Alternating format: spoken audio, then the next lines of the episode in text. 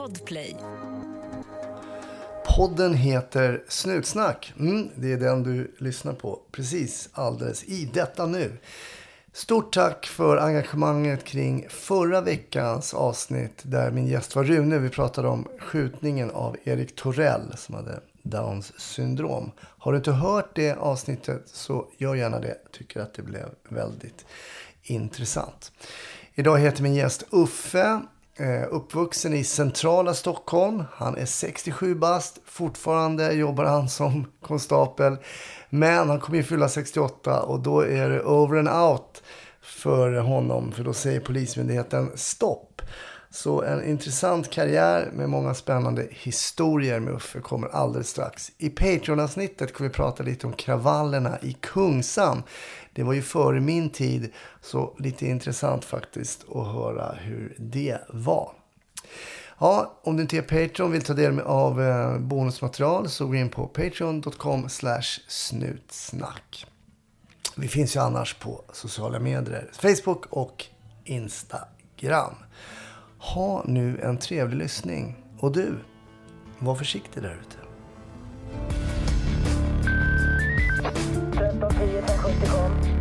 1310 Odengatan kom. Ja, det är uppfattat. Vi tar det. Slut. Bra. Klart slut. Jag säger varmt välkommen till Snutsnack Uffe. Tack så du. Vi konstaterade här när vi möttes upp um, att det var väldigt länge sedan vi sågs du och jag. Ja, jag, kan, jag kommer inte ihåg till, eh, inte ens en gång när det var senast. Det måste ha varit på... Mitten 90-talet tror jag. Ja, ja okej. Ja, du har bättre minne. Jag du tror det, för visst var du på ungdomsgruppen? Japp. På Norrmalm och jag var ju på Gatulänsgruppen. Ja, okej. Och ja, ni just var ju liksom på en korridoren mitt över. Ja, ja, ja. Så Okej. vi stötte på varandra Ja, där någon gång Okej. ibland. Ja, ja. Men det var en liten passus. Det som också är väldigt intressant med dig Uffe. Vi sitter ju då eh, på, ditt, på din arbetsplats hos polisen. Du är 67 år och jobbar fortfarande som polis. ja, just det. Ja, det. Jag, jag tänkte ett tag att jag skulle slå någon form av rekord och jobba i 50, men nej, jag måste ju inse att jag, jag fyller ju faktiskt 68 nu i januari och har jobbat i 48 år och 8 månader då. Så då får jag väl kasta in handduken då. Men är det så att du kastar in handduken eller är det så att de kastar ut den åt dig? Ja, de har fattat ett eh, centralt beslut att eh, 68-åringar ska kanske inte jobba inom polisen längre. Aha, okej. Och, och eh, i alla fall inom den sektionen, eh, delen av polisen där jag jobbar. Ja, okej. Och det är jag inte ledsen över, inte alls, utan det är ju bara att inse att vad fan, man är inte 40 längre. Nej. Det är roligt att du säger man är inte 40 och de som är 40 säger att man är inte 20. Men Nej. allt är relativt. Då. Just precis. Men låt höra, hur började denna era? Man har jobbat då i snart 48 år och 8 månader. Men hur kommer det sig att du kom in på eh, yrket polis överhuvudtaget? Ja, det är väl lite, lite speciellt kan jag väl säga. att jag är väl eh, den enda polisen som har vuxit upp på Malmskillnadsgatan och den är känd för. Det kanske alla vet. Ja, så är det Och, och jag brukar ju skämta då med att säga just så och sen gör jag en konstpaus med att säga också då att eh, mamma jobbade på gatan. Och då ser man att vissa öppnar munnen och undrar vad i hela friden är det här nu då? Eh, och det är ju tur att hon var portvakt då. Okej. Så jag växte upp i hörnet Malmskillnadsgatan, Mäster Samuelsgatan och hade den oturen att min far dog, eller vår far dog när jag var två och ett halvt. Jaha. Och en händelse som min mor har berättat om då, det är att eh, inne i stan då lekte man som liten på en liten asfaltsgård i fastigheten. Och ett för år så ringde det på hennes tele våran telefon och då var det portvakten borta vid Hamngatsbacken där vid Gallerian nu finns. Den, Hamngatan gick upp från Regeringsgatan upp på Malmskillnadsgatan och så vidare. Det såg annorlunda ut. Och den portvaktstanten ringde och frågade var är din lilla grabb? Ja, han är väl på gården, säger hon och tittar ut genom fönstret. Då. Vi var portvakter som sagt var. Nej, här var hon. Nej, han står och håller en konstapel i, i Saben eh, som trafikpolis där då. För han stod och dirigerade trafik i korsningen Hamngatan, eh, Malmskillnadsgatan. Så hon ut i städrocken då och sprang och mötte oss då. Då gick jag och höll den här konstapeln i handen där och han var på väg hem till mig då. då. Och då bjöd jag upp honom på kaffe. Så han satte sig där och drack kaffe och så föreslog jag att han skulle bli min far då. Men det var en viss åldersskillnad så så blev det inte. Men sen den dagen enligt min mor så ville jag bli polis och jag har inte ändrat mig. Så att jag var 19 år och två månader när jag klev in på polisskolan 1973. Och hur gammal var du när du tog konstapeln i hand? Tre. Tre? Nej, två och ett halvt. Två och ett halvt, tre år. Och, och, Så du har eh, haft en målbild? Ja, eller, ja, tre var jag nog förresten, måste det ha varit. Eh, fa- Far dog 56 november och det här måste ha varit kanske våren eh, 57 då. Och eh, sen när jag kom då till Klara som låg då på polisstationen då på Regeringsgatan 79, det var ju min gamla polisstation. Just det. Så det var bara fyra år efter att jag hade flyttat därifrån, för de rev ju hela Klara då. Just det, det var en disgrace nästan att de Just. försvann. Ja. Och då, eh, när, vi, när man då satt på natturerna eller med äldre kollegor och ja, de berättade sina historier så berättade jag mina när jag var liten. Och då kom de ju på då att, att vad fan, det är ju du. Det har vi ju sett. och, och, och eh, Lennart Sjöström är en kollega som jobbar nu. Och hans pappa åkte i de första piketerna vad jag kommer ihåg. Och vi lekte ju då i rivningskåkarna och polisen var ju oroliga över att vi var där och lekte. Så att jag har haft eh, Sjöstrand efter mig om man säger så. Men jag tycker det är spännande att då, hur var det liksom att växa upp? Jag tänker när man kom i tonåren och du växte mitt uppe i centrala Stockholm. Jag tänker om man skulle bo där nu och gå ut på gården eller vara ute. Man skulle ju knappt vilja ha sin son då längs Mäster Samuelsgatan och de kvarteren idag. Hur var det på den tiden när du var 14-15 och sprang omkring där? Ja, jag brukar säga det till kollegor och, och allmänhet att det, det, vi såg grabbar och tjejer som växte upp där i Klara. Och i synnerhet vi då. I vår familj, jag har två äldre bröder som är 11 och 12 år äldre. Och vår far gick bort då när de var tonåringar och jag liten. Så det, eh, situationen för vår mor, det var ju inte det lättaste. Nej. Men, men eh, det som jag har sett under mina första 16 år, det hoppas jag innerligt att eh, barn inte ska få se med anledning av prostitutionen och eh, vakna på natten över att det är skottlossning i hörnet. Det var så på den ja, tiden? det var då hallikarna eller de som hade hand om tjejerna eh, var förbannade på varandra, inte vet jag.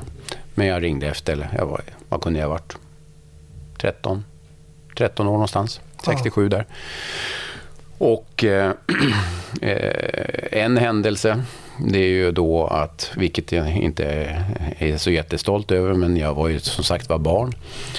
När jag kom hem då, jag gick i Johannes skola och kom hem eh, efter skolan så hör jag hur det skvalar i hissen. Och eh, eh, då, då tänker jag så här, jädra också, nu sitter hon och pinkar där inne igen. Och jag hade en kinapuff i fickan, vilket man hade då på den tiden. Så jag tände på den där och skulle bara slänga in den. Och, och jag gjorde det, slängde in den. Och den small och det skrek som en gris skriker. Och det inte jag visste det var att hon fick den mellan benen. Så hon var borta ett antal veckor. För jag hade full koll på de här kvinnorna, på de prostituerade då, som fanns i mina kvarter där. då.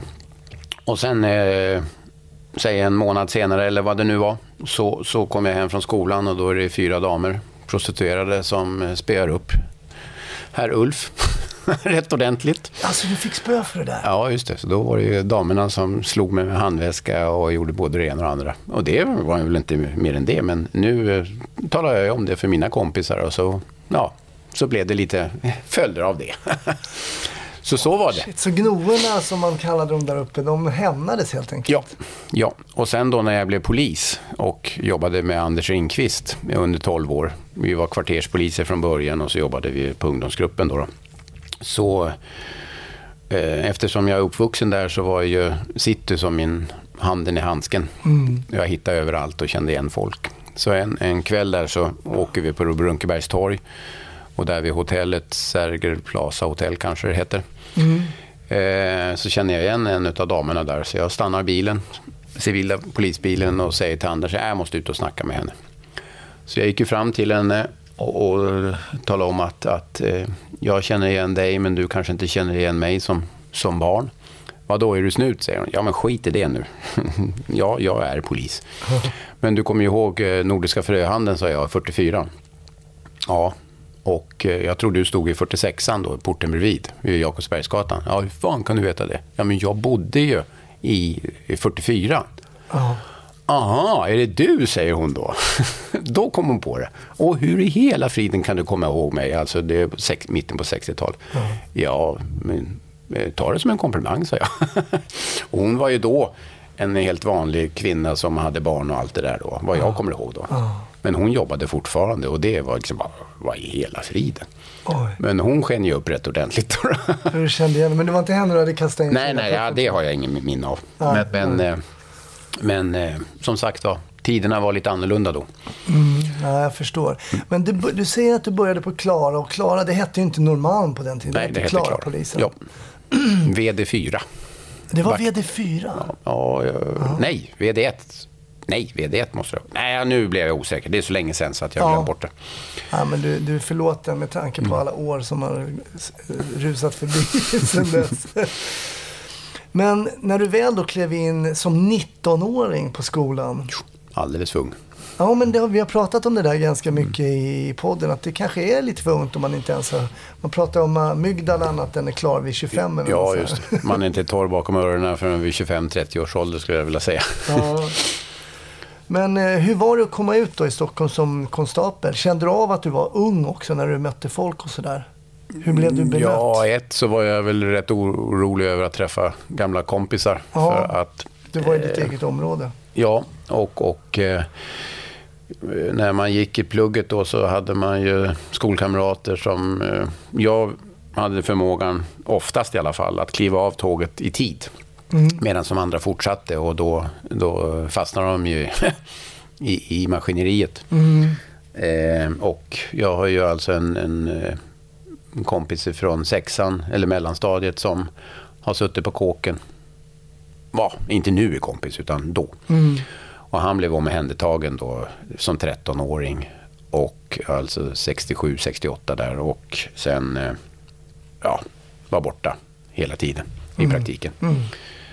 Men det där du berättade att du klev av tåget innan så att säga buset hade gått för långt. Eller var det för att du hade målbilden att du Mm. Ja. ville bli polis? Ja, och sen, sen eh, hade jag väl rättspatusen rätt så klart för mig att vad man inte får göra och vad man får göra. Att det, det är gränsen mellan att kliva över på fel sida eh, när man är barn och tonåring, den är väldigt liten och det är därför jag personligen har eh, lagt ner mycket tid och energi på ungdomsarbete för att jag vet hur lätt det är att komma över på fel sida. Men då måste morsan ändå på något sätt, trots att du var så ung då, satt någon form av moralisk eh, gräns där. Jag menar, jag tänkte det var svårt. Det var två äldre bröder då som var 11, vad sa jag, 11 och 12 eller? Ja, de då ja. När, Ja, nej, de var eller- 13 och 14 till och Ja, med. bidrog de till att liksom, eller Nej, var det det- morsan eller hur kom det sig att du, du kunde ha förmågan att hoppa av liksom? För det är ju Ja. klassiskt med en ensamstående morsa med... Ja, då är man i riskzonen som sagt var. Mm. Och, och jag kan ju inte påstå att, att mina bröder har bidragit så mycket med det. Nej, okej. Den, den, den äldsta brorsan, när, när, eh, det har han själv berättat om i olika sammanhang. Eh, Preludin, när det kom, så knaprade han det för att eh, pappa gick bort. Och då blev han kristen sen, för vi hade, där restaurang Oxen nu ligger, vid Oxtorget där, så fanns det en, en kyrka som heter Baptistkyrkan. Jag kommer inte... Ja, det fann, alltså samfundet var baptist. Och då blev han så, så kallad kristen då, då. Så han är pastor i, eh, har varit i Sverige och Rune Brännström heter han och är i USA nu som pastor. Och den andra brorsan har varit egen företagare sedan han var 16 år ungefär. Okej. Har haft eh, snickerier och ja, massa okej. saker. Okej. Så att eh, där kan jag nog inte bidra. Eller de kan nog inte ha bidragit så mycket. Men eh, det fanns, eh, som barn och som, som tonåring så gäller det att man har förebilder. Och det fanns det andra eh, i, det. i min närvaro som var bra förebilder. Var det någon annan som sökte sig till polisen av dina vänner? Nej, Nej. nej. Men, men ifrån då när jag slutade nian 70, tror jag det var, 69-70, så fanns det någonting på den tiden som hette Polisiära yrkesskolan. Och där var det då eh, polis, poliser som var lärare och det var en kommissarie som hette Lars Hallberg som var rektor. Och den var tvåårig och vi hade då eh, eh, ja, praktisk ämnen och eh, brandman, män var med och så vidare. Unered var en av lärarna och Holm var en och, och så vidare. Jag kommer inte ihåg vad Holm hette i förnamn. Och i den klassen så blev vi väldigt många poliser. Okej. Geting, eh, som han kallas för. Han, eh, Var det Håkan, till Farsta? Var han i Farsta? nej, han är tunnelbanepolis. Ja, jag känner Och- igen och- det smeknamnet. Håkan Olsson, eh, ja, Bosse Rydberg, Janne Rådbjer. Ja, Ja. vi var mer än hälften i den här klassen som blev poliser. Ja, okej. Så det, Rådberg, det är hockey... ja, det är Uffe Rådbjer det. Han blev ju Uffe, också, men ja. äldsta brorsan heter Janne Ja, Rådbjer. Och så var det Uffe Anders Rådbjer. också som blev polis. Ja, det. De är Farsta. De Just det, kommer det var från Farsta. Ja, ja, okej. Men hur länge dröjde det innan eh, Klara blev norman då? När blev det? nor- 76 om jag kommer ihåg rätt. 76? Ja, då var jag kvarterspolis i tio år på Kungsholmen. Jaha, hur var det? Ja, det... Eh, jag trivdes jättebra med det och eh, det är väldigt många som nu har blivit vuxna och man stöter på dem på stan och så vidare. Alltså att de här ja, busungarna och så vidare. Och eh, eh, det finns även de som växte upp i Kristineberg och Holmia som, mm, eh, som har blivit poliser. Några, några stycken. Som från den här tiden då när jag var kvarterspolis, när de var sju, åtta år eller tio år och så vidare. Och det beror ju inte på mig. Det vill inte jag säga att det berodde på mig. Nej, Men... kanske inte. Men kanske inte... Ja, det vet man ju för sig aldrig. Men har det hänt att de har kommit upp till dig efteråt och sådär? Och... Ja, visst. Det är en, en kille som jobbade på närpolisen i Vasastan då. Eh, han slutade sen som polis också då, men, men det är inget viktigt i det. Men när vi möts i korridoren första gången så tittar jag på honom. Ja, men, är det du som bodde på Geijersvägen, säger jag då. Ja, vad fan, kommer du ihåg det, säger han då. Han känner ju igen mig direkt då. då. Och, och, ja, men du bodde där och, och det var några små tjejer, eller tjejer i din ålder som, som var tvillingar och så vidare. Ja visst, vad fasiken kommer du ihåg det? Och, ja, jag har lätt att komma ihåg sådana saker. Mm. Och någon annan polis som sa, en kollega då i nutid som sa då att ja, första gången jag såg en polis på nära håll, det var när du klev in i uniform i mitt klassrum. Ja, just det. Vad, vad tyckte du om att vara eh, kvarterspolis? Ja, jag tyckte det. Idag går det ju inte på samma sätt. Tiderna var helt annorlunda. Och eh, det här var mellan 76 och 86 som jag var kvarterspolis på Kungsholmen. Och det var en väldigt eh, lärorik tid och den var eh, som sagt var eh, man var ensam och fick klara av saker själv. Och eh, mycket förebyggande arbete och en händelse som, som jag kan nämna från den tiden det är att eh, eh, det var en väskryckning i Rålambshovsparken. Och det stod i tidningen då, då, i Expressen eller vilken tidning det nu var. Och då skojade jag med, med min hustru och sa att ja, den där killen ska, ja, ska jag hitta. Det, Annars är jag ju värdelös. Så att jag gick till Rålambshovsskolan och så frågade jag då bara allmänt så här, vem är det som har röd eh, moppe och en så, eh, blå hjälm eller någonting sånt där. Inget, ingenting om vad som hände, varför jag vill ha reda på det. Nej, okej. Ja, ja, ja, det, det, ja, ja, aha. Eh, Jag säger Kalle, men han heter inte Kalle. Nej. Ja. Och då tog jag kontakt med, då fanns det ingen ungdomspoliser som utredde, utan det var på polishuset. Då, då. Och eh, dagen efter så ringde vi på dörren och han kom med till polisförhör. Och på den tiden, nu pratar jag alltså slutet på 70-talet. 77, 78 eller någonting sånt där. Ja, innan 80 i alla fall. Och eh, de skulle då förhöra honom. Eh, men han sa att hej, jag tänker inte berätta någonting för er. Det är Uffe som ska förhöra mig om det är någon polis som ska förhöra mig. okej, okej. Och jag hade ju inte förhört, alltså under utbildningen, ja. Men, men jag är ju inte hoppad, så det var ju, bara gå in och, och han erkände ju allting och, och berättade detalj var allting låg och allting. Så. Och då undrar ju de här äldre kollegorna, vad fasken, vad, vad, Vad gjorde du? vad gjorde du? Ja, de var ju med, någon var ju med för att det, det så att det skulle gå rätt till om jag säger så. Jag var, var jag, 20, 20, 24 år eller någonting sånt där. Och, och eh, ja, men eh, den här killen kom mer och mer i, i glid. Då. Han hade en mamma som inte var ensamstående då. Men, men eh, mådde inte så bra. Och jag hade kontakt med socialtjänsten också då på Kungsholmen. Och eh, han ville ha mig som övervakare. Ja, nu kommer jag ihåg det. 79, för vi byggde en båt. Och då sa jag att nej, jag kan inte ta den just nu. 79, för jag håller på att bygga en båt. Men när jag har gjort det klart, då, kan jag, då blev det 80-81 där. Och då blev jag kontaktperson eller övervakare för honom. Och det resulterade i att han blev fosterhemsplacerad uppe i Lycksele. Okej. Och då ville han att jag skulle köra dit honom. Och då här är det på den, inte köra dit honom, men, men ta honom dit. Och då, eh, på den tiden så fanns det hundralappen och hustru var under, vilken ålder nu nu var, 25 eller vad det var. Så att hon köpte en, en biljett upp till, till Skellefteå, där jag har mina släktingar då. Och, eh, och frågade grabben om det var okej att åka till en kusin och sova över där och, och så vidare. Och det roliga var att han hade också släktingar i granngården. så det blev ju, världen blev väldigt liten. Jäklar. Och sen körde vi honom till Lycksele, till den här familjen. Och när jag satt och tittade på hans pojkrum då, nya pojkrum och tittade ut, ja då var det en myr. Och om man har varit på havet så ser man ju hur havet försvinner ner. Och så var det här Med myren. med myren. Och jag sa till hustrun sen när vi satt oss i bilen för att åka tillbaks till Skellefteå och flyga hem. Alltså jag hade ju inte stannat en sekund där. Inte man uppvuxen på Mäster Samuelsgatan, men vad Markmansgatan. Och han bodde då på Kungsholmen vid Ja, Kungsholms just torg. det. Då. Men, men jag talade om för honom att, att det är ingen mening att dra. För att innan du kommer till, till E4 eller var du nu kommer någonstans så kommer jag få reda på det här. Mm.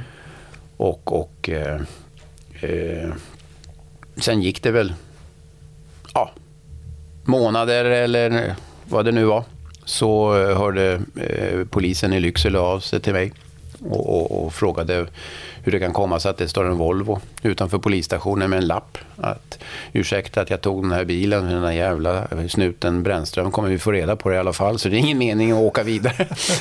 så, att, och då, så det var och Så han drog till slut? han, han drog men äh, ångrade sig då. Han snodde grannens Volvo och ställde den utanför polisstationen. Och, och, och, och, ja. och så blev det ju vad det blev av det då. då. Ja. Inte så mycket kanske, inte vet jag. Jag har ingen insikt i det. Men, men kollegorna hörde av sig hur fan det kunde vara så att det satt en lapp där. och, eh, men, men eh, Vet du hur det gick för Ja, jo, det är det som jag kommer nu till. Ja. Och, eh, eh, han hörde av sig då när jag var polis, alltså på 2000-talet. Då vi, jag tror vi flyttade 2005 till Tulegatan, Östermalmspolisen då tidigare. Det. Då, eh, då fick vi kontakt. Och då eh, bodde han fortfarande i Lycksele. Han körde lastbil för eh, Pågens, vad nu heter, där uppe i Norrland. Och hade tre barn och hade gift sig och fått barn med en, en klasskamrat. Då. Så det hade gått skitbra. Så det, Så den där myren avskräckte kanske inte så jävla mycket som den hade Nej, jag gjort tog upp om det det med, hade varit du. Nej, men jag tog upp det med honom just då, då, då på 2000-talet. Alltså att i hela friden, hur, vad tyckte du om när du tittade ut där? Ja, vad fan, jag fick ju panik, sa han då. Så att, men han trivdes inte så bra där, så att han, han bodde hos den här tjejens familj. Och sen fick de ihop det då. Men du kom ju sen att jobba med eh, ungdomar och det är ju mitt minne av dig att du var ganska drivande och en profil lite på ungdomsgruppen som det hette på Norrmalmspolisen. Jag tillhörde ju då det som hette Gatulangensgruppen där några år. Kan det här varit en av de casen så att säga som fick dig att bli intresserad av det där? Eller fanns det ett genuint intresse liksom från början? Eller för varför blev, för det var ju många år det blev, var ungdomar för dig.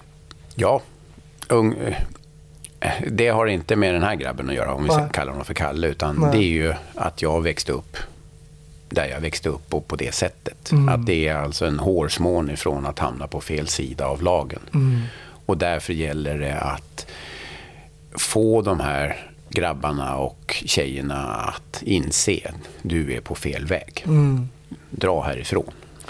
Hur viktigt eh, är det att senare som arbetandes som polis att fortfarande ha kvar den kunskapen? Att det är en tillfällighet ofta vem som sitter på ena eller andra sidan skrivbordet. Hur viktigt är det att ha med den kunskapen och fortsätta ha med den i yrket? Ja, men det tror jag är... Ja, det är en, det är en, det är en eh, tillgång, en fördel. För att det, har man levt, jag menar inte nu och ignorerar andra människors bakgrund och så vidare. Men, men eh, har man levt i en skyddad värld långt ifrån vissa saker. Och med det menar jag inte att man ska vara en buse för att bli polis. Det är inte det jag säger. Utan Nej. det är att ha, ha nosat på vissa saker. Och då pratar jag inte alls missbruk eller kriminalitet eller så. Men, men eh, har sett, har kompisar och så vidare som har hamnat snett. Och hur lätt det kunde ha varit för mig att jag hade hamnat snett om inte jag hade klivit av. Det måste vara... Det, ja, det har jag sett som en tillgång. Och det är därför jag har brunnit för eh, barn och ungdomar och gör det fortfarande. Eh, jag och, och vi som jobbade, eller jag, vi som jobbade på Norrmalmspolisens ungdomsgrupp, vi startade ju ett projekt efter kravallerna i Kungsträdgården då, då med, eh, för ungdomen, nu kommer jag inte ihåg exakt vad det var, någon, eh, jag tror det var Benny som hittade ordet, eh, för ungdomarna i framtiden, så var det, för ungdomarna i framtiden. För att eh, kravallerna då 86, 87 och så vidare. Och sen var det Anders Karlberg som drog igång det här med Fryshuset. Och, och vi poliser från ungdomsgruppen då föreslog då eh, för våra folkvalda att vi skulle dra iväg. För att efter kravallerna så var det ett, ett eh, paneldebatt med Ingvar Carlsson och Anders Karlberg med mera. Och där, där var jag med då i den paneldebatten. Och då drog jag ett exempel att vi ungdomspoliser hade varit då på Gröna Lund, om det nu var 87, jag kan missa åren, på Valborg och träffat då den riktiga kungen i Kungsan som inte är den massmediala killen som journalisterna har kallat för kungen i Kungsan. Utan det här är det som vi poliser vet vem det är som är kungen i Kungsan. Han och hans kompisar och då var det en chilensk kille som var ny. Och han och jag fick en jädra bra kontakt. Och de här gjorde ju brott praktiskt taget varje dag. Och de fanns ju under våra, våra papper och så vidare. Och han, den här chilenska killen sa då att det skulle vara häftigt att åka ut i skogen och se vad ni snutar går för. Okej. Jaha, och då tänkte jag då, för den här hatkärleken, den kände jag igen. Alltså de, ungdomar har ju en form utav, på den tiden i alla fall, och även, jag kallar det för hatkärlek. Till polisen Till polisen då. Ja, man såg upp till dem men ändå inte gjorde det, man hatar dem ändå. Och så vidare. Och eh, så då eh, lyfte jag fram den här chilenska killens synpunkt i den här paneldebatten. Att eh, det skulle vara intressant att pröva att ta, ur, ta med sig ett stort antal ungdomar, killar, ut i skogen. Och, eh, så att de fick pröva på. För de här killarna har ju ofta åkt då tunnelbanan bara från sin förort rakt in i, i TT-centralen. Och så blev det. Jag har aldrig sett skogen. Nej. Och eh, så blev det. Så att vi åkte iväg med 25 grabbar. Fritidsförvaltningen, socialtjänsten, polisen och så vidare. Sommarbarnsbyrån. Och då bestod inte, och det var ju då Ola och Micke och det var Hasse och Roffe och, och alla de här poliserna som jobbade då med ungdomar och Anders och jag. Och, jag då. och så var det Silvio från fritidsförvalt, Silvio Rossi. Och ja, de var 25 och vi kanske var hälften då. Ja, Anders, eh, vad heter han då? Arne Claesson. Eh, Mm, Han var- Micke var ju framträdande. De såg man ju upp till mycket när man kom som nykonstapel. Ja. De var liksom civila framåt, ungdomsgrupp, Just det. killar. Ja. Arne Claesson jobbade också där då. Han hamnade sen som rektor och slutade som polis på Fryshuset. Men eh, dygnet bestod inte av 24 timmar när vi var där. Ute i Borsen i Värmland, i Lesjöfors. Vad gjorde ni? Vi paddlade, vi bodde i tält Och de här grabbarna har aldrig bott i tält. Eh, De frågade vad varg var och vad björn var och så vidare. Och då talade vi om det och att det fanns det här. Och då ville de sova i samma tält som stora starka pojkarna. det, var, det var häftigt. Och den killen som jag hade med, sig, med mig har jag också träffat efteråt. Och han är fortfarande missbrukare och ja, kriminell. Ja. Men många utav dem, i synnerhet de här chilenska killarna, de, de har lagt av och många har lagt av. Men vissa finns fortfarande kvar och är kriminella och missbrukare. Vad skulle du säga att det gav det här då? För sen kom det in mycket, det kanske var några år senare, men när man pratade om de här värstingresorna. När man, Och då, ja, det var dit jag skulle komma. ja, det är så. Ja, det var det och jag då, tänkte och då, på. eh, hur kom det där ordet fram? Ja. Hur, hur växte det fram? Exakt. Mm, det var ju så att då, när man då, Ingvar Carlsson och, de folkvalda och, och chefer i olika sammanhang sa att det skulle genomföras, ja, hur tar vi ut de här grabbarna då? Då var det vi poliser som, som gjorde en lista, deltagarlista på de 10-20 värst för, flest förekommande grabbarna. Som ha- inte har snattat eller klottrat, inte alls. Utan det är, vi pratar om det oprovocerade våldet, baseballträn, nunchakos, butterflyknivar som de har använt när de har rånat och slagit ner eh, män som kommer hemifrån, eller på väg hem från krogen och så vidare. De killarna gjorde vi en lista. Och de tre, fyra, fem mm, socialarbetarna som fanns på, eh, nere på Norrmalmspolisen, Ann Hellströmer, Ole Påhacka och allt vad de nu heter, de gjorde sin lista.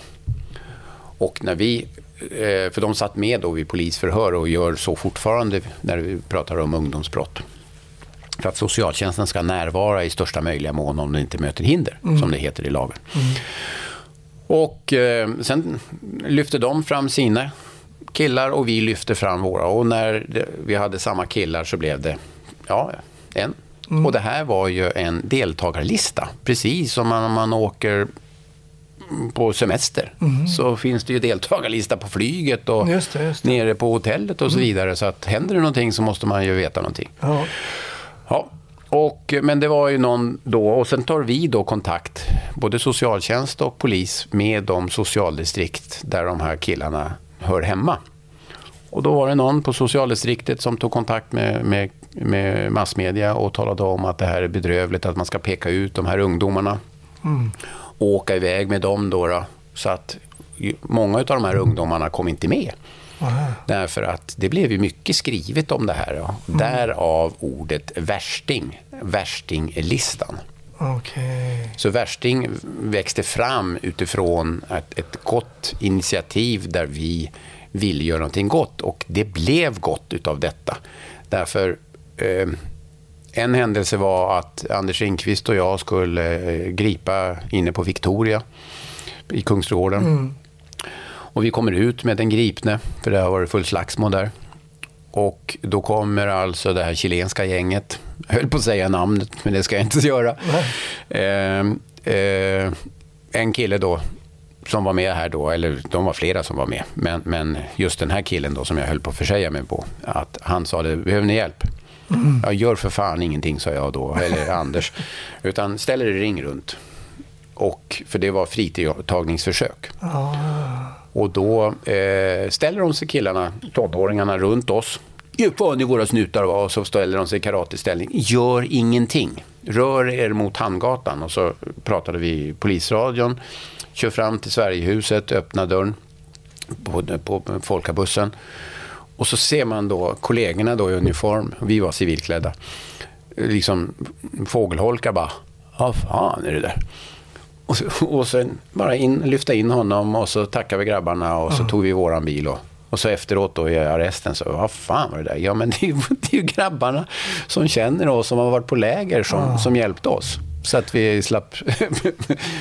Tänk att det kan vara så att genom att man kommunicerar med varandra, lär känna varandra, att det skapar någon form av band. Tänk. Ja.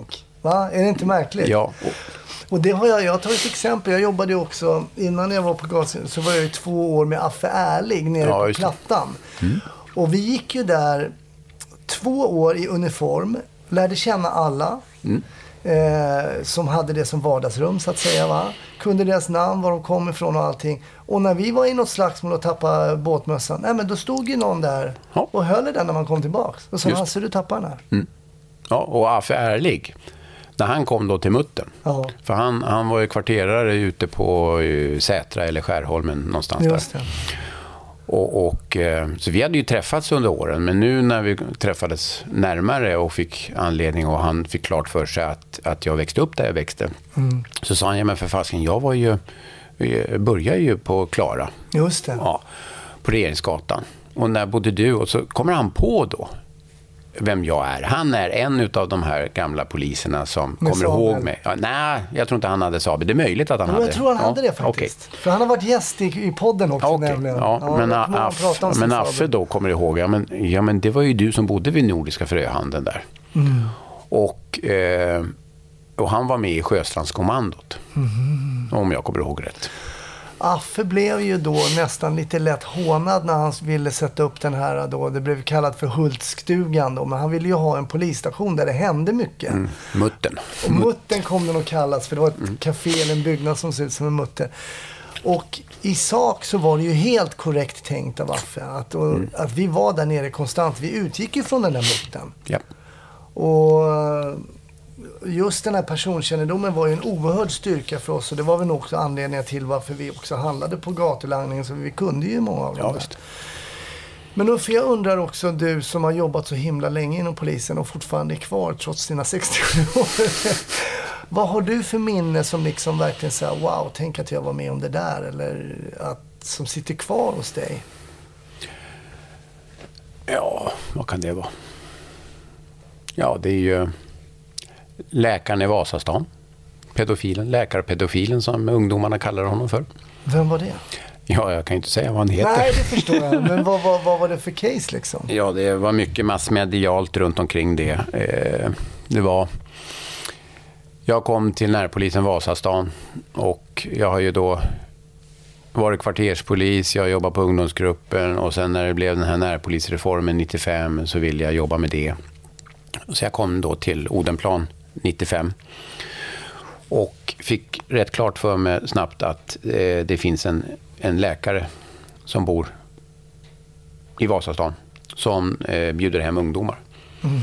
Och bjuder dem på sprit. Och, och eh, då, då var det en kollega som talade om då, ja, men det är en kille som har blivit i pågående ärende där han har blivit våldtagen. Så jag, eh, och rättegången hade varit allt det där. Och jag tog kontakt med den här killen för att lära mig då vad är för hans version. Inte bara läsa utan ha en dialog precis som du har med mig. Då får man ut lite mera än att bara läsa text. Ja. Och han berättade då eh, om saker och ting som vi hade nytta utav. Det resulterade i att eh, jag gjorde så som Anders Ringqvist och jag ofta gör. Vi, vi vänder oss till allmänheten när det finns ett problem. Eh, nu var det ett problem med ungdomsfester, men eh, vi kan ju inte gå dit till grannar och tala om att vi är ute efter den, din granne som heter bla bla bla, utan då eh, sa jag någonting annat som resulterar i att de talar om för mig att, ja men känner du inte till, som polis måste du känna till den här killen, som är, han är ju läkare och han bjuder dem på sprit och, och herregud, det, polisen har ju varit, vilket jag känner till. Men jag är ju förhindrad att berätta exakt. Och eh, det här resulterade ju i att vi fick kunskap om saker och ting. Som i sin tur resulterade i att vi kunde sätta in insatser som, eh, för att skydda de här ungdomarna. Och den här mannen, han, han har varit med och ändrat alkohollagen där vi från polisen har påvisat det här.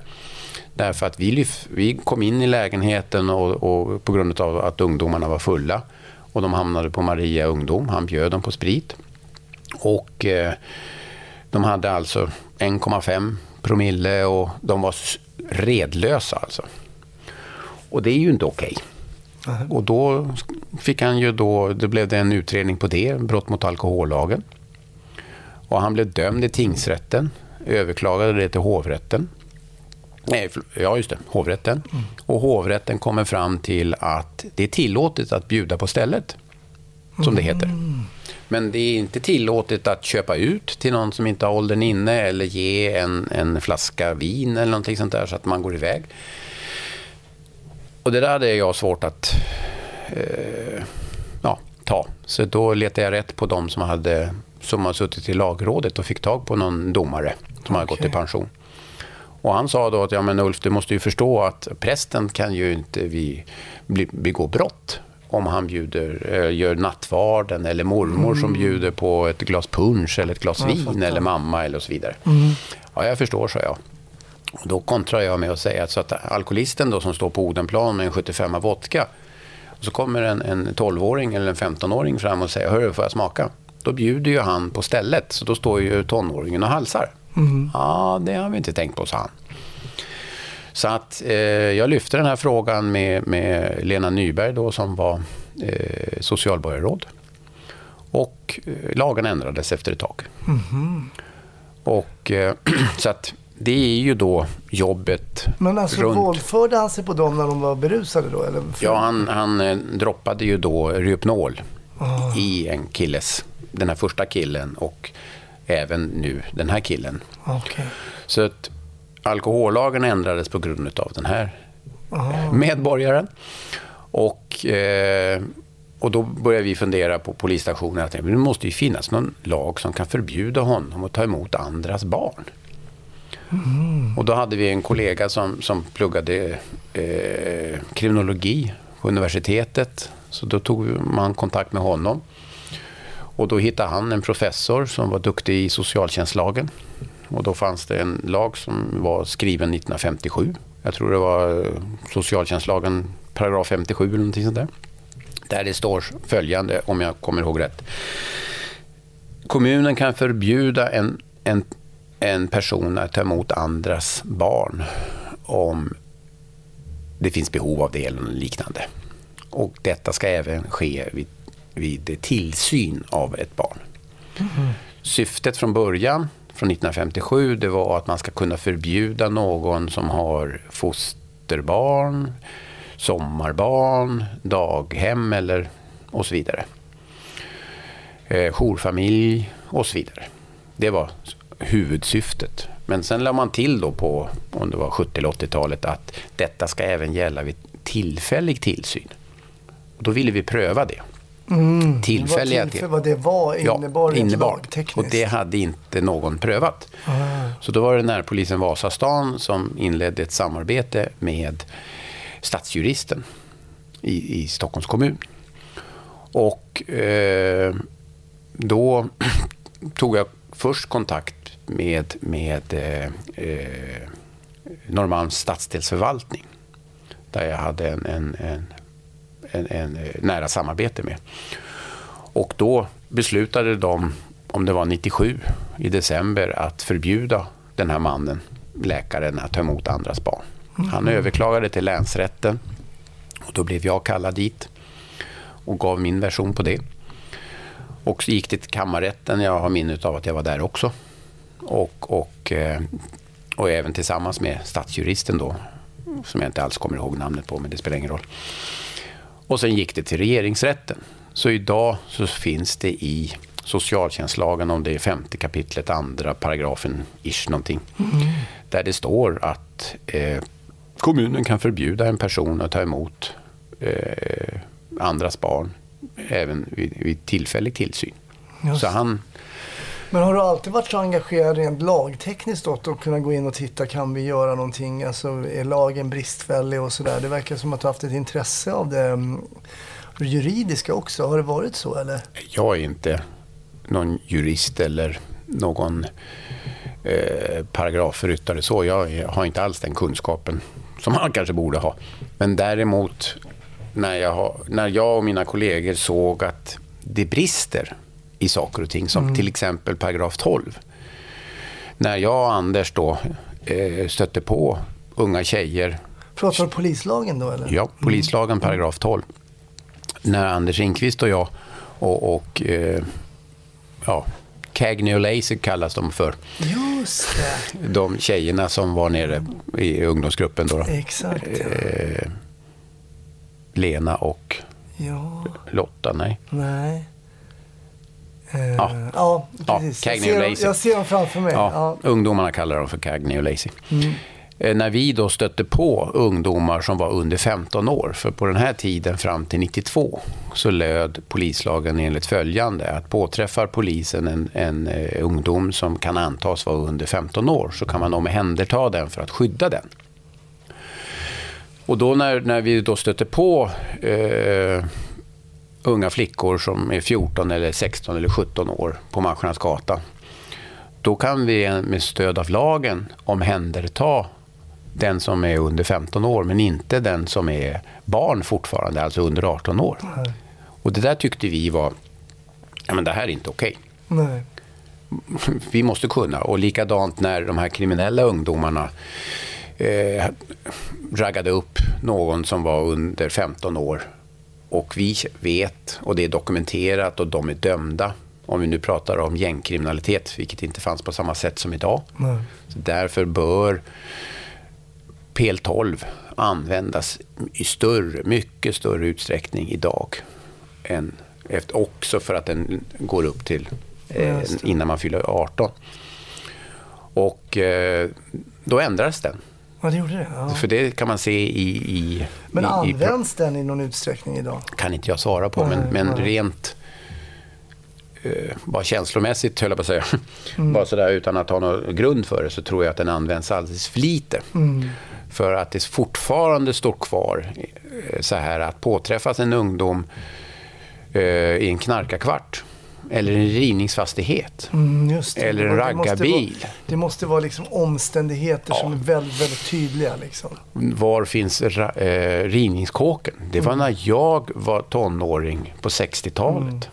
Eller knarkarkvart när, när eh, vi var unga poliser. Och Man använder ju inte knarkarkvart i den omfattningen. Nej, det gör man inte. Därför bör man exemplifiera, anser jag, idag att för att de unga poliserna, vadå knarkarkvart, vad är det för något, säger Nej, de. nej, nej. Utan det är ju när, när polismannen bedömer att den här miljön är olämplig för den här 17-åringen eller 11-åringen. Och ju yngre man är, desto, desto större chans är det att ta vederbörande. Är man 17 år och 8 månader, ja men då kanske man kan se mellan fingrarna.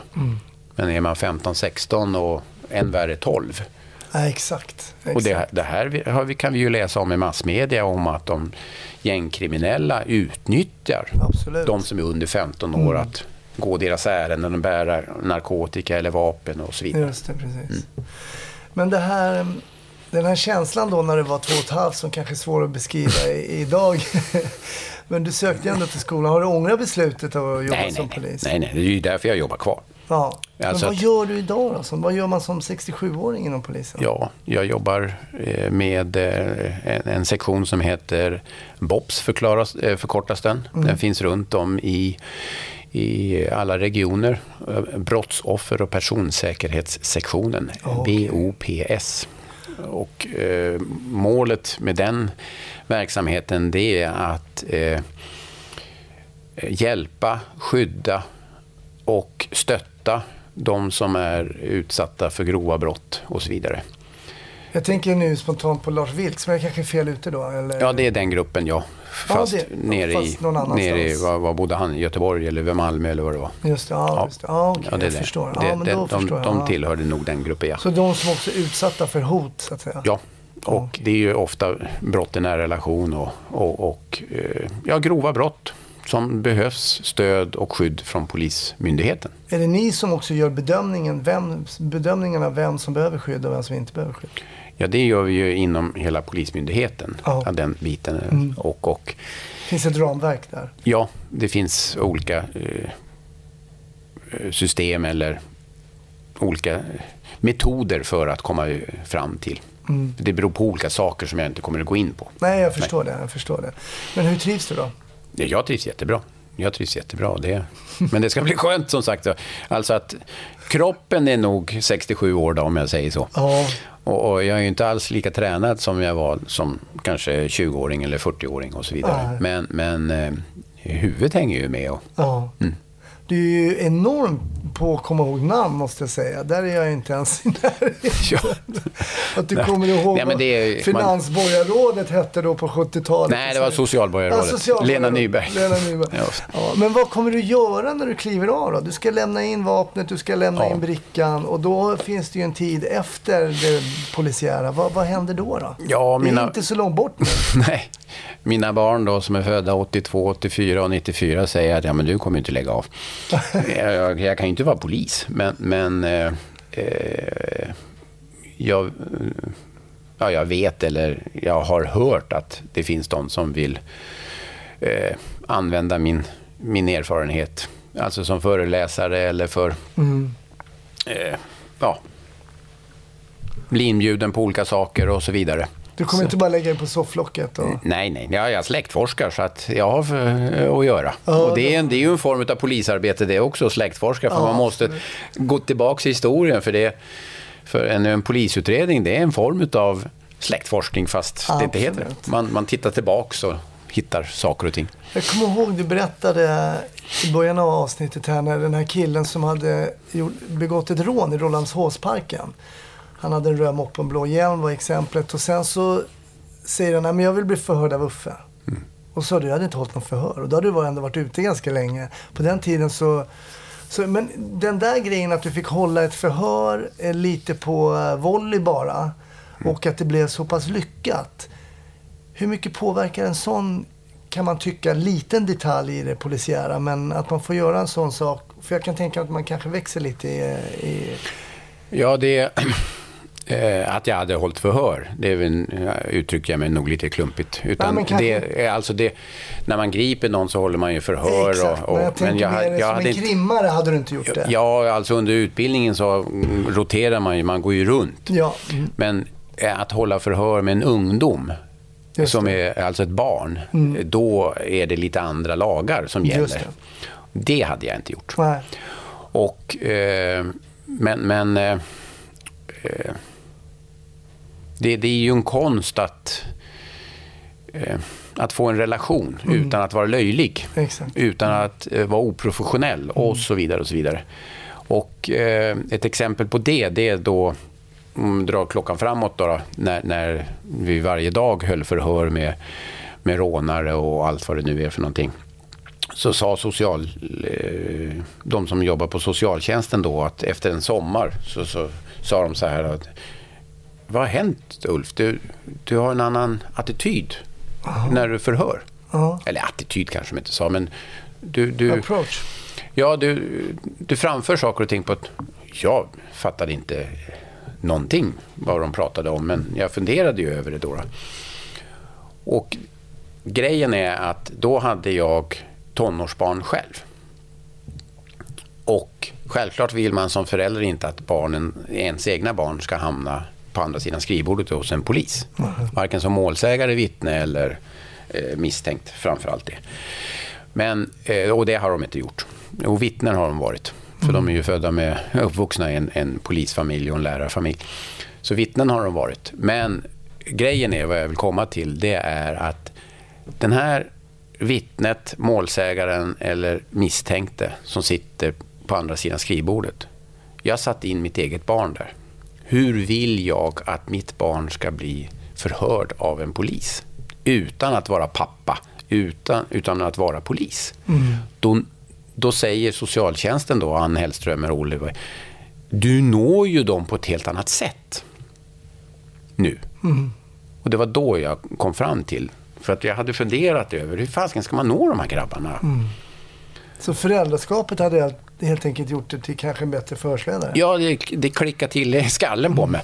För att eh, man kan se det som att man, man blir lite löjlig då som pappa. Nej, det var inte det det var, utan hur vill jag som far att mitt barn, om mitt barn skulle sitta där, hur ska polisen vara då? Korrekt, eh, men ändå Rättvis. få fram det som, det som ska komma fram. Ja. Det var eh, framgångsfaktorn. Och det har jag sagt till yngre kollegor, men, men, men eh, det, då har vi ju ett personligt engagemang som man måste lägga in. Och känner allmänheten att det finns ett personligt engagemang hos vilken person som helst, om det är tandläkaren eller vem läraren eller polisen eller vem det nu är, ja, men då lyckas man mycket bättre. Ja. Eh, En ointresserad person som man möter i någon form av myndighetsutövning kan ju vara det tröttsammaste eh, som finns eh, faktiskt. Och ibland behöver engagemanget inte snäppas upp mycket för att det ska skapa ett visst intresse. det är ju jättesvårt att eh, summera en så lång karriär som du har haft. Men jag ska, ändå, jag ska runda av det här avsnittet som vi gör med alla avsnitt. Eftersom du har varit med i gamet så länge. Vad säger du om polisarbete på film? Ja, på film. ja. Eh, Gåsmamman har vi tittat igenom. Ja, Eh, den har jag faktiskt inte sett alls. Nej, och det, ja, det är lite för mycket. Ja. Hän- händer för mycket. Och, men jag ser vissa igenkänningsfaktorer. Ja, du gör det Eh, det ändå. är bland de som är på fel sida av lagen. Ja. Jag kan sätta in, eh, tänker de på den där människan när de gjorde det här? Ah, Och likadant är det i, i lagens namn, när den var. Just det med Om- Sauk. Just. Där, där var det många igenkänningsögonblick som var. Det är ju en film som många borde kika på som säkert har glömt bort den och som inte ens vet att den har funnits kanske, yngre Nej. människor. Men det är en, jag tror att det var så att polisen hade ju då en avdelning som lånade ut eller hyrde ut. eh, Men där hyrde man inte ut en enda pinal efter man hade läst manus. Nej. För det var ju lite bad cops som rullade på stadens Ja. gator där. Och Ja, var och det, och det var ju då GV, Leif GW Persson som var, var pappa till den filmen, eller Ja. boken. Jag tror det, om det är Grisfesten eller Ja, gris, Samhällsbärarna. grisfesten tror jag det Ja, är. jag tror Grisfesten. Men där fanns det många igenkännings... Men eh, ta Beck till exempel, så ja, det ska ju vara film. Ja, exakt. Och eh, det funkar ju inte att åka 5-10 meter bakom en bil och spana. Nej, eller Men- filma när du åkte, åkte upp till Lycksele. Ja, just det. Ja, just det. Ja, så att... Så att eh, men, men eh, ja, det är film och eh, man kan ju inte visa exakt hur det går till för att vi poliser är människor, vi löser saker och ting på olika sätt men vi ska ju hålla oss inom vissa ramar och så vidare. och så vidare. Så det, det går inte att säga att det ena är rätt och det andra är fel utan det är filmatisering som, som sker. Men du kan rekommendera Gåsmamman som eh, tidsfördriv? Ja, jag sa ju till hustru att ja, men det här är lite mer som James Bond emellanåt. Alltså det, det blev för mycket. Alltså Alltså det det, är det, blir så komprimerat med händelser. Alltså, den ena scenen, jaha, då skjuter de där och nästa, ja, då blir de skjutna och så, ja. Och det har jag ingen kunskap om det är så idag. Åh herregud om det är så i, i sådana fall. Jag kikar på en dansk serie nu som heter Kastanjemannen. Mhm. På Netflix. Eh, ja, men den är spännande. Jag tycker danskarna är duktiga och de går ibland lite utanför boxen sådär. Eh, Mm. Så det kan jag rekommendera både till dig och till Mm. er lyssnare. Och sen gör jag så att jag lyfter på på båtmässan på säga. Det har jag inte. Men stort tack Uffe för att jag fick komma förbi och prata med dig och fick Ja. en liten inblick i alla fall kring dina 48 år. All respekt. Tack själv. Tack. Tack själv.